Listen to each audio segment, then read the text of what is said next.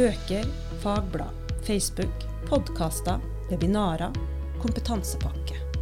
Lista er lang. Hvordan i all verden manøvrerer lærere i denne overfloden av informasjon? Det skal to veldig kompetente damer svare på her eh, i dag.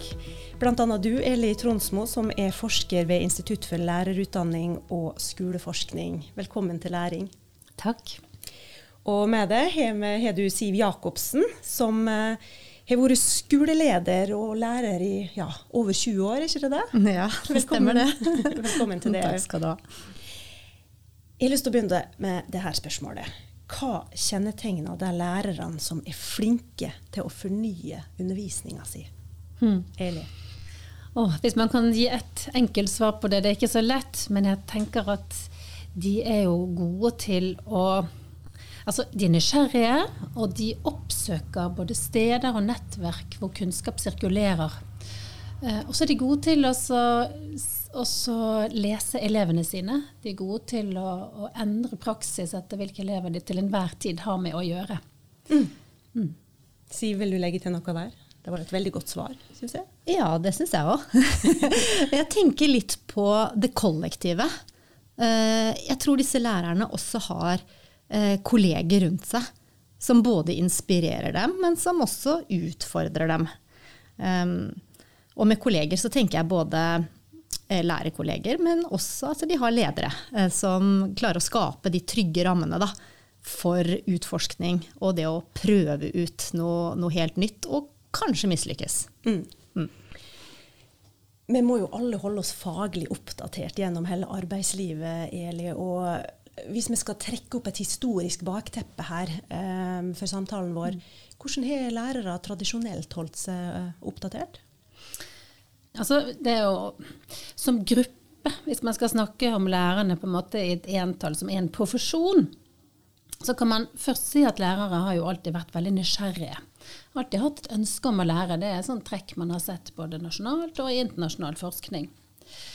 Men så finnes det også noe forskning som har, på, som har sammenlignet lærere med andre profesjoner. Og da har man sett, historisk sett, både fra internasjonal forskning og i Norge, at læreres kunnskap er mer preget av hva skal vi si, sånn muntlige overleveringer og kanskje erfaringsbasert og litt uformell kunnskap, det vi ofte kaller for anekdotisk kunnskap, mer enn forskningsbasert kunnskap. Hvem, hvem sammenligner vi oss med, da? Nei, altså Vi har f.eks. studier fra Norge hvor man har sett på lærerprofesjonen sammenlignet med sykepleiere eller mm. revisorer, altså andre profesjoner som det går an å, å sammenligne med. Og det, det, Noe av det handler jo litt om læreryrkets natur, som er på en måte i klasserommet en lærer med sine elever. Men noe av det skyldes nok også at det har vært fravær av strukturer rundt lærerprofesjonen som har bidratt med å forsyne dem med fagspesifikke ressurser. Og det siste, Vi ser at dette er veldig endring. For I dag, som du nevnte i din intro, så er det altså et overflod av tilgjengelige ressurser. Og for bare kanskje 20 år siden så, så fantes ikke det på samme måte. Så der har det skjedd en stor endring. Hva er det som driver den endringa da? Det er flere drivere i det. Én eh, driver kommer jo fra profesjonen selv. At man har et ønske om å lære, man etterspør det.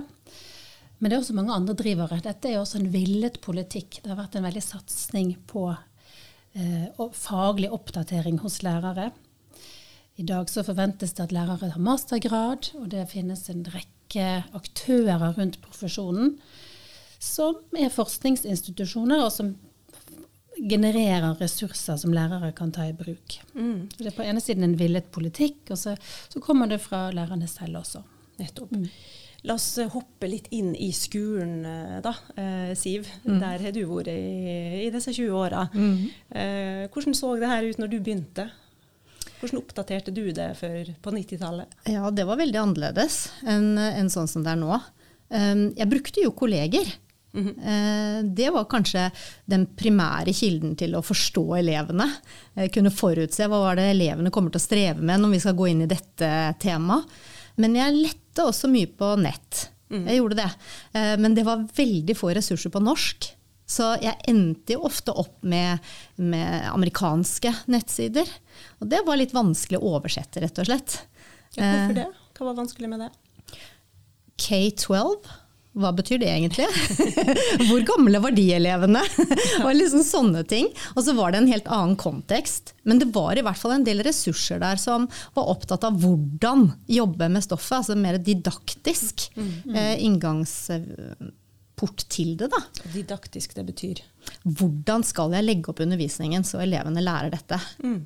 Eh, og sånne typer ressurser var det veldig lite av. Mens nå er det jo både lærebøkene har eh, digitale lærerressurser. Eh, ja, som Eli sier, det er mange ressurser som lærerne selv produserer for å dele. Så det har blitt veldig annerledes. Mm. Hvor opptatt er skolen og lærere av forskning, da? Hva opplever du, Eli? Mm. Ja, altså alt dette som knytter seg til forskning og vitenskapelighet i lærerprofesjonen, det er litt sånn kontroversielt tema. For det, eh, det, er litt sånn omstridt og stort. Altså forskning på forskningsbruk hos lærere, det, det, er et svært tema. Og noe av det som, Når vi snakker om alle disse ressursene, så er det jo litt sånn at mange av disse ressursene vi snakker om rundt lærerprofesjonen i dag, som er sånne kompetansepakker, eller ulike teknologier, de inkorporerer på et vis forskning i seg selv, som er litt usynlig når den brukes av lærere, men det er likevel forskning. Så på den måten kan man si at forskning også er mer tilgjengelig i dag gjennom alle disse ressursene. Jeg greier ikke helt å se for meg disse ressursene. Kan ikke du hjelpe med, med det, Siv? Altså, hva, hvordan ser forskningsformidling ut i skolen? Ja. Av det som eh, du forstår Eli snakker om her nå? Jeg tenker at Det handler mye om en oversettelse. For jeg er helt enig med at det er litt kontroversielt. Altså for noen år siden så var det litt sånn forskning, skal vi liksom forholde oss til det? Eh, det virket fremmed, veldig langt fra klasserommet. Det tror jeg handler om den der oversettelsen. Da. hvordan, hva, hva, betyr dette for meg og min praksis, eller vår praksis på skolen? Så eh, det å oversette det, klare å ta det i bruk, da, gjøre det relevant. Mm i hverdagen til lærerne, det tror jeg er helt vesentlig. Og, og kanskje tenke liksom Det skal jo både være utfordrende, utfordre praksis litt, få oss til å tenke kanskje på nytt om det vi har gjort tidligere, eh, gi oss noen nye perspektiver. Og ikke minst kanskje et mer nyansert fagspråk, mm. et profesjonsspråk, om det vi driver med og det vi ser i klasserommet. Mm. Så vi har i hvert fall vært veldig opptatt av at vi skal um, f.eks. sette oss inn i en fagartikkel. altså handler det om å få øye på hva er det denne forteller oss. Er det noe nytt i det? Er det noe utfordrende her? til, Skal vi tenke litt annerledes om praksis? Og så prøve det ut hvordan kan det se ut mm. når vi gjør det på andre måter. Mm. Og så reflektere og gjøre noen erfaringer da, på, på, hvordan uh, dette spiller seg ut i klasserommet. Kan du huske det? Første gang du hadde en ha-opplevelse, bare ah, det her det snakka til meg, det her kan jeg bruke. Eller det her kan lærerne mine bruke. Mm. Jeg tror som lærer og, og, skoleleder så var vel kanskje det første gangen når vi jobba med lesing som et satsingsområde. Eh, som, hva betyr det å kunne være en god leser på, på videregående nivå, da, hvor, som jeg jobba på? Um, hvordan angriper vi tekster? Er veldig annerledes om du leser en tekst i matematikkboka enn en uh, skjønnlitterær tekst. Så uh, da brukte vi ulike uh, fagartikler inn i det arbeidet. Leste, prøvde å forstå. Um, prøvde å relatere det til det faglige, da, faglig lesning. Så det tror jeg var første gangen jeg fikk en sånn opplevelse av at jeg fikk noen nye knagger, noen nye begreper å tenke i. Mm. Um, selv om mine fag var jo økonomi og matematikk, så det er ikke noen sånn eh, fagtradisjon som er veldig sterk på liksom, å jobbe med lesing som grunnleggende ferdighet der. Men det bevisstgjorde meg i hvert fall som lærer den gangen på at um, dette her er et, en del av uh, fagkompetansen min uh, som jeg ikke hadde vært så mye borti tidligere. Mm. Um, så skulle jeg også Vi brukte den kompetansepakken med vurdering for læring, eller uh, den MOOC-en som fulgte der. En av de første brukte jeg. MOOC, hva er det? Uh, ja, Massive Open, open Online Course. Ja, noe sånt noe. Som kommer fra hvem er avsender av MOOC? Det var Høgskolen Innlandet, mm. HIN, som hadde laget den. Da var jeg blitt rektor og skulle jobbe med en sånn kollektiv uh, satsing på vurdering for læring. Um, Og de ressursene, den erfaringen vi gjorde, da, det er at du er jo nødt til å eh, sette de ressursene inn i en kontekst. Du er nødt til å være litt kritisk til hva er det som passer her hos oss, tror vi. Uh, hvordan skal vi legge det opp? Når skal vi introdusere det? Mm. Um, for vi hadde jo noen erfaringer der med at vi f.eks. viste en film. Eh, med Bjørn Bolstad, faktisk, når han var rektor på, på Ringstadbekk. Eh, og da gikk jo rullegardina helt ned. For dette var et eksempel fra ungdomsskolen, passa jo overhodet ikke videregående. Så det er liksom noe med å kontekstualisere det, og kanskje si at uh, det kan være noe her, mm. selv for oss. og Bjørn Bolstad han jobber nå på Universitetet i Oslo, da, for de som ikke vet. Ja, han er min kollega i Fiks. Nettopp. Um, har du følt noe forventningspress da, til å holde det oppdatert fra noen? Ja, det tenker jeg ligger i uh, litt i samfunnet rundt oss. Mm. Vi er en profesjon, og skal vi bli ansett uh, som en profesjon og være det, så må vi holde oss faglig oppdaterte. Og det møter lærerne hver dag, tror jeg. Mm. Både fra elevene og, og foreldrene. Eh, begrunnelser, kanskje, først og fremst. Hvorfor gjør vi det på denne måten? Det må du ha et godt svar på. Mm. Jeg tror det Siv sier der er veldig essensielt. Og vi kan jo tenke på oss selv, altså når vi møter en lege eller en, eh, en mm. Eh, jurist, eller hvem vi måtte trenge hjelp av. Profesjonene er jo på en måte hjelpeyrker.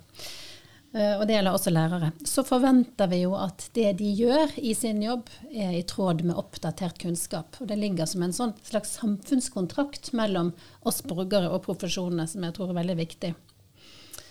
Så, så, akkurat dette med å være faglig oppdatert, det ligger der som en mm. eksplisitt forventning. Mm. Mm. Men ok, dere har snakka litt om innpakkinga og hvor, hvor, hvordan, man, altså hvordan man holder seg oppdatert. Da. Men sant, ting skal jo være forskningsbasert. Det er jo en forventning om at praksis skal være forskningsbasert eh, i dag. Um, når har, lærere tid til det her? Altså, Hvordan skjer det her i praksis? Ja, det er et veldig veldig viktig og vanskelig spørsmål å svare godt på. Men, det, men altså, for det første så ligger det jo de nye læreplanene. Mm. At man faktisk skal samarbeide. Ingen lærere kan i dag trekke seg ut av det fellesskapet som er på en skole og si at jeg vil bare gjøre det akkurat sånn som jeg alltid har gjort. Eller, man, man er forpliktet til å delta i et fellesskap. Og det krever jo også at det lages til rette tid, gjennom tid og gjennom strukturer og gjennom rom. Og ikke minst i skolekulturen for at man jobber med sånne spørsmål. Så jeg bruker ofte begrepet backstage nettopp for å vise at en del av lærerens jobb er også å jobbe med disse tingene på bakrommet sammen med andre. Og at det er en like viktig del av det å være lærer og det å være profesjonell som å stå i førstelinjen med elevene i klasserommet.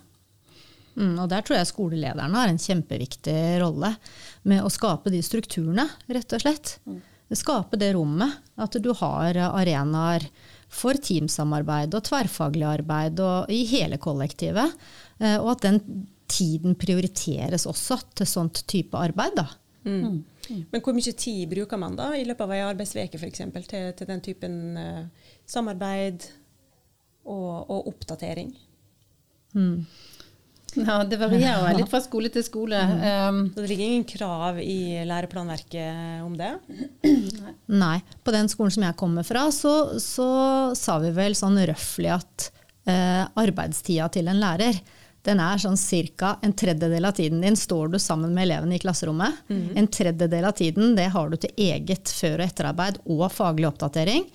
Mens en tredjedel av tiden er du på kollektive arenaer. Om det er et fagsamarbeid, eller om det er på en eh, avdeling, um, eller i hele kollektivet. Det er ulike arenaer hvor du skal jobbe sammen med kollegaene dine. Mm. Så det var en sånn veldig røff uh, inndeling på det. Da. Mm. Vi snakket jo også mye om det å ha tid til faglig oppdatering. Så i vår arbeidstidsavtale som vi eh, jobbet med sammen med lokale tillitsvalgte, så, så, hadde vi det som en del av eh, arbeidstidsavtalen for å på en måte signalisere en forventning da, om at her holder vi oss faglig oppdaterte. Og da sa vi at røftlig én time i uka må du regne med Og å forberede deg til et møte, enten ved å lese en fagartikkel eller forberede deg på annet vis. Da. Mm. Så Men det tror jeg er veldig forskjellig fra skole til skole, hvordan man organiserer eh, tida si, rett og slett. Mm, det er det. Men akkurat det med tid er viktig. Altså, det finnes jo noen forskningsoppsummeringer som har sett på hva er det som er hindringene for eh, at man får til gode fellesskap rundt det å jobbe med fagspesifikke eller profesjonsspesifikke eh, temaer. Og da er jo tid en sånn faktor som har blitt identifisert, og en annen er at man får på en måte det vi kan kalle en sånn informasjonsoverload. Det som i skolen ofte kalles stofftrengsel, som da også gjelder for lærere. At det kan bli for mye å fokusere på på en gang. Sånn at det er også en viktig del for, altså for skolelederen kanskje å rydde i dette. Og den tredje tingen, det er at um, at man eh, opplever at det ikke er relevant, at det er inadekvat, de temaene man jobber med. Det er også en sånn mm. tredje hva skal jeg si, trussel mot det å jobbe godt faglig i kollektivene. Mm. Men hvis vi ser på den overloaden, da, altså hva er konsekvensen av det? da? Du er jo, du er jo ute med en ny artikkel nå i lag med flere kollegaer. Eh, som heter 'Fra fagbok til Facebook'. Mm, mm. Litt tabloid, ja, men litt tabloid, er det litt sann òg? Ja, altså der har vi jo på en måte veldig brettet ut det bildet som, som, vi har fornemmet, som mange er opptatt av. Det er nettopp at det finnes i dag en stor rikdom av ulike ressurser som man kan ta i bruk. Så på ene siden så er det en sånn overload som kan virke litt sånn voldsom. og, og nesten sånn hvor skal man begynne? Men jeg tror det, det jeg har vært opptatt av i egen forskning, er å si noe om at det, det det stiller krav om enda en ny kompetanse hos lærere, nemlig den det vi kaller, kan kalle for navigeringskompetanse. Nettopp det å, å se litt nøyere på hvem er avsenderen her. Mm. Uh, er dette, er dette altså man, man, får en funksjon nesten som en kvalitetssikrer. Mm. Ja, man, god, man, kan ikke godta alt, og der er jo også kollektivet veldig viktig. At man blir en sånn kvalitetssikringsaktør også når det gjelder sant. kunnskap. Mm. Nettopp. Det er ikke bare elevene som skal lære seg kritisk uh, lesing og tenking, uh, Siv. Mm. Og ja, hva Altså, den her nye overfloden, da, det, er, det, skjer jo på godt og vondt. Uh, hva må man passe på? Hva er risikoen her? Jeg tenker jo at det er Én ting er tilfanget av ressurser. Og hva er seriøse avsendere, og hvem stoler jeg på, hvem gjør jeg ikke det? Men så er det jo eh, også antall temaer som en lærer kan føle behov for eller forventninger om skal holde seg oppdatert på. Det er, det er jammen meg ikke småtteri, altså. Som det er ganske komplekst. Så der tenker jeg kanskje skolelederne også har en portvokterrolle. Å si f.eks. sånn som jeg eh, nevnte i, i sted, da, dette med lesing som vi hadde som en satsing. Da har du i hvert fall et fokus på, mm. på, hva du skal gå inn i sammen med kollegaene dine. Så, så mm, Er skoleledere gode til det? Jeg tror det er vanskelig, for det er veldig mange satsinger som kastes på skolen. Mm. og, og Hva er konkurrentene, på en måte? Hmm? Nevn noen av konkurrentene. Uh, nei, det er temaer. ikke sant? Mm. Sånn som nå er det psykisk helse. Konkurrerer kanskje med et faglig eh, tema om å holde seg oppdatert og aktuell mm. i undervisningen. Bare for å gi to veldig enkle eksempler. Da. Hva skal jeg gå inn i og fordype meg i? Um, som er liksom det første hva er spørsmålet mitt, som jeg går ut og søker informasjon om. ikke sant? Mm. Det er mange spørsmål der. Mm. Og så når du går inn i det, så er det jo igjen kvaliteten i alle de ressursene som du kan finne. da. Mm. Så der er det i hvert fall kanskje én rolle som skolelederen kan ha. Uh, I å prøve å sortere litt på hvert fall hva som er på den kollektive agendaen. Um, men så tenker jeg jo også på skolelederen som en slags eh, stasjonsmester. I hvert fall har jeg følt meg som det innimellom. Mm. Som står på perrongen og må sørge for at de togene som går forbi, de må liksom sakke farten, sånn at eh, vi kan ha sjanse til å hoppe på de togene som er relevante. Mm. Um, fordi at det, det tilbys jo eh, ressurser til skolen også, f.eks. gjennom Dekomp-samarbeid. Hvilke muligheter har skolen min mm. til å få tilført ressurser eller knytte partnerskap da, til universiteter og høyskoler? Mm. Som kan være liksom det der eksterne blikket inn, og som kan tilføre mm. eh, kompetanse som er kvalitetssikra. Mm. Fortell litt mer om Dekomp. Hva Hva er det? Mm, desentralisert kompetanseordningen. Eh, Der er jo Fiks én aktør. Eh, Så vi inngår jo partnerskap både med eh, fylker, kommuner, også med enkeltskoler, da, som en del av de, de partnerskapene vi har. Hvor vi kan komme inn f.eks. og jobbe med en skole om et tema som vurdering, f.eks. Da. Og da vil vi jo være i direkte kontakt med, med lærere og skoleledere. Nettopp. Så det er universitetet og høgskolene som rett og slett går inn i, til skoleeiere og skoleledere. Ja, Tanken er jo at behovene skal komme fra skolene og, og kommunene og, og fylkene sjøl. At de skal være med å definere hva er det vi har behov for, og så få støtte og hjelp til det da, gjennom partnerskapene. Tidligere så hadde man jo veldig nasjonale satsinger, hvor Utdanningsdirektoratet på en måte definerte litt hva som skal være satsingen nasjonalt. Og så nå har man da derav navnet desentralisert eh, dette, sånn at, eh, at behovene er, som, som Siv sier, lokale behov. Og så skal man samarbeide med det vi kaller for lokale UH, altså universitet og høyskole, da, i dette, dette etterutdanningstilbudet. Mm. Jeg har lyst eh, litt tilbake til de strukturene du snakka om eh, som lærerne eh, trenger rundt seg, og skolelederens oppgave. Har du andre eksempel på, på hvordan dette kan løses? Um, når det oppstår en, akutt, et akutt behov for kunnskapsoppdatering, f.eks., som, som når krigen brøt ut, f.eks. Altså, hva, Hvordan går lærere da i gang med å finne ut av hvordan de skal oversette det her til elevene sine, og, og behandle det i klasserommet.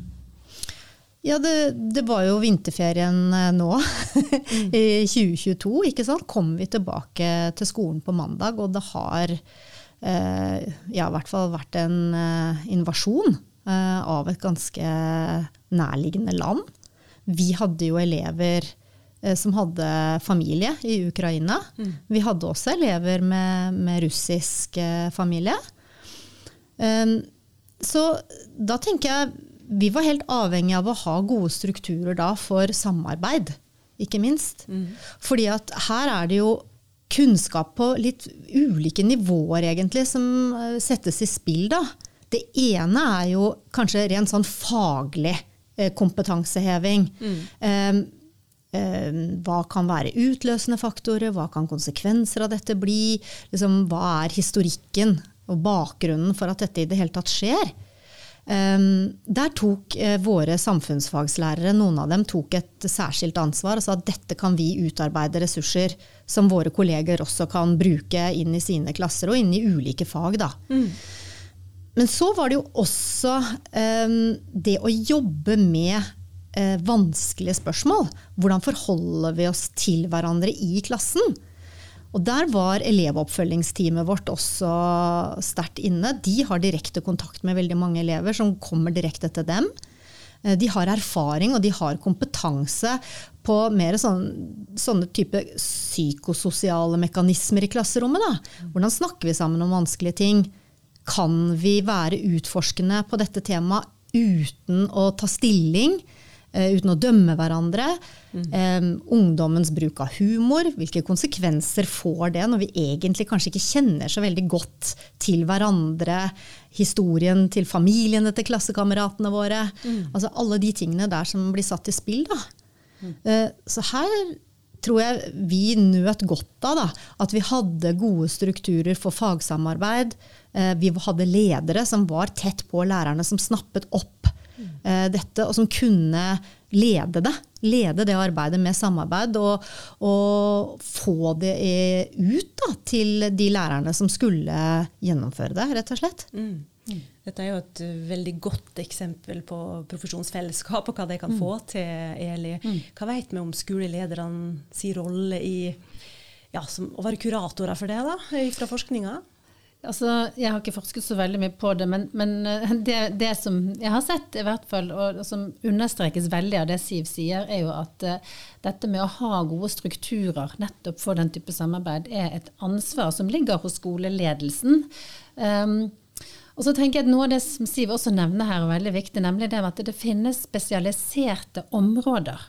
Hvor man drar veksler på at noen har en ekspertise som andre ikke har. Sånn at når du da forteller at det er et team på din skole som kan noe kanskje om traumer, eller om hva det vil si å komme fra krig, eller, så er det en type kompetanse som ikke nødvendigvis alle lærerne har.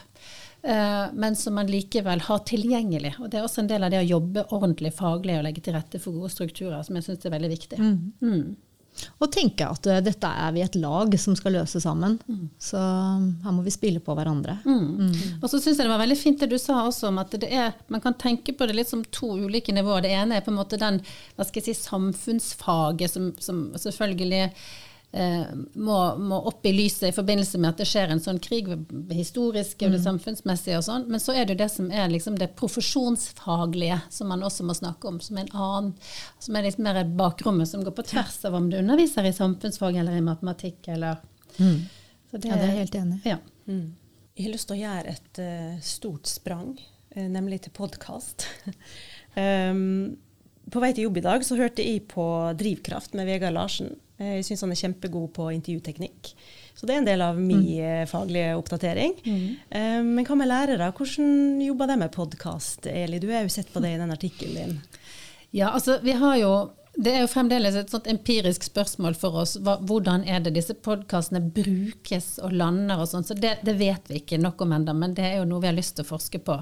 Men det vi vet, det er at de, altså de spilles av veldig mye. Vi vet at det er ganske store lyttertall. Uh, på utdanningspodkaster. Ja, på utdanningspodkastene. Mm. Som er på en måte rettet mot lærere, da. Og det syns jo vi er veldig interessant. Og det sier på den ene siden noe om at uh, lærere er lærevillige, de er interessert. Og det sier også noe om at det kanskje brukes ikke bare individuelt, men at det også noen ganger brukes kollektivt. Altså, jeg vet at du, Siv, har f.eks. For fortalt at da har dere noen ganger hørt på en podkast i fellesskap, og så har mm. dere diskutert den i ettertid. Mm. Um, ja. Ja, hvordan har du brukt eh, podkast i undervisning? Um, I undervisning til lærere, ikke sant? Eller? Ja, ja i, i uh, profesjonsfellesskapet, ja. Mm. ja. Um, det ja, har, Arrester meg gjerne. Fortell nøyaktig. Hvordan du brukt det? ja, vi har brukt, uh, vi har brukt, ulike ressurser. Vi Både podkast og webinarer for mm. som ligger der ute i opptak. Mm. Um, har du et konkret eksempel?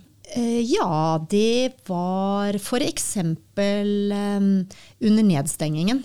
Um, eller når vi var på Rødt, var det vel kanskje. Altså, det var veldig mye til og fra den første våren 2020. Um, da sto vi oppe i en veldig ny situasjon. Vi skulle avslutte skoleåret og sette standpunktkarakter. Vi hadde ikke eksamen. Og elevene var delvis hjemme. Mm. Så det var en veldig, veldig, annerledes situasjon. Og da vet jeg at vi brukte Fix sitt webinar. Um, hvor de tematiserte nettopp det. Standpunktvurdering. Mm. Um, og da eh, gjorde vi det sånn at eh, vi satte av tid. Da var også lærerne på hjemmekontor, så vi sa nå setter vi av tiden. Popp gjerne popkorn. eh, se på dette webinaret. Um, og så hadde vi visse sånne lytteoppdrag eller spørsmål som vi stilte, som vi sa dette kommer vi til å ta opp. Og så snakker vi om det eh, på, på fellestid i etterkant. Sånn at vi liksom hentet opp sentrale poenger, spørsmål som fremdeles eh, levde i mm. kollegiet. Um, så det var liksom én måte å sette det i sammenheng da, mm. uh, med, med det, den jobben som uansett skal gjøres. Mm. For det å å bruke disse ressursene tenker jeg alltid må settes inn i en lokal kontekst. Mm. Mm. Sånn at det oppleves som aktuelt og relevant og mulig å, å jobbe videre med. Mm. Jeg tror det er et veldig viktig poeng det siste du sa der. at det, at det er veldig få ressurser eller veldig lite si, forskning som er ferdig når du kommer til en mm. lærer. Det må, mm. som du har brukt ordet, oversettes, eller noen snakker om rekontekstualiseres. altså Det må få en relevans her. Og det vet lærere veldig godt når de jobber med elever. At det er jo mm. ikke noe sånn at elevene er passive mottakere av en gitt størrelse som er kunnskap. Eh, men mm. den, den, forvandles, og den må, til, den, den må, gjøres til, din egen. Mm. Og den prosessen er veldig viktig. Så uansett om du hører en podkast eller om du har lest en fagartikkel, eller sånn, så må det gjøres et større arbeid med det. Mm. Det er ikke ferdig. Nettopp. Det er veldig bra at du understreker det. Mm. Det Det som er sikkert, det er jo at enhver skole og lærer er forplikta til å oppdatere seg. Og hvis vi skal avslutte med noen råd til helt ferske lærere og skoleledere, Eli, hvor og hvordan skal de hente informasjon mm. som, eh, som, som, gir deg det de trenger? Altså, Lærere i dag har jo ofte mastergrad, og vi ser at lærere i dag er veldig Altså Veldig mye innovasjon i skolen i dag skjer jo nettopp i skolen. Den skjer ikke nødvendigvis på universitetet. Så hvis jeg skal gi et råd, så er det jo på en måte kanskje det å være nysgjerrig og oppsøke de stedene hvor man, hvor man blir inspirert, og hvor man altså forfølger inspirasjonen sin. Og være ambisiøs, rett og slett, på, på eget fags vegne. Mm. Mm. Veldig godt råd. Siv, ja, hvordan bør oppdateringsarbeidet organiseres da, på en skole og i et lærerteam, hvis du gir et råd til en skoleleder mm. spesifikt? Mm, jeg tror det å tenke at uh, læringen den skjer på flere arenaer.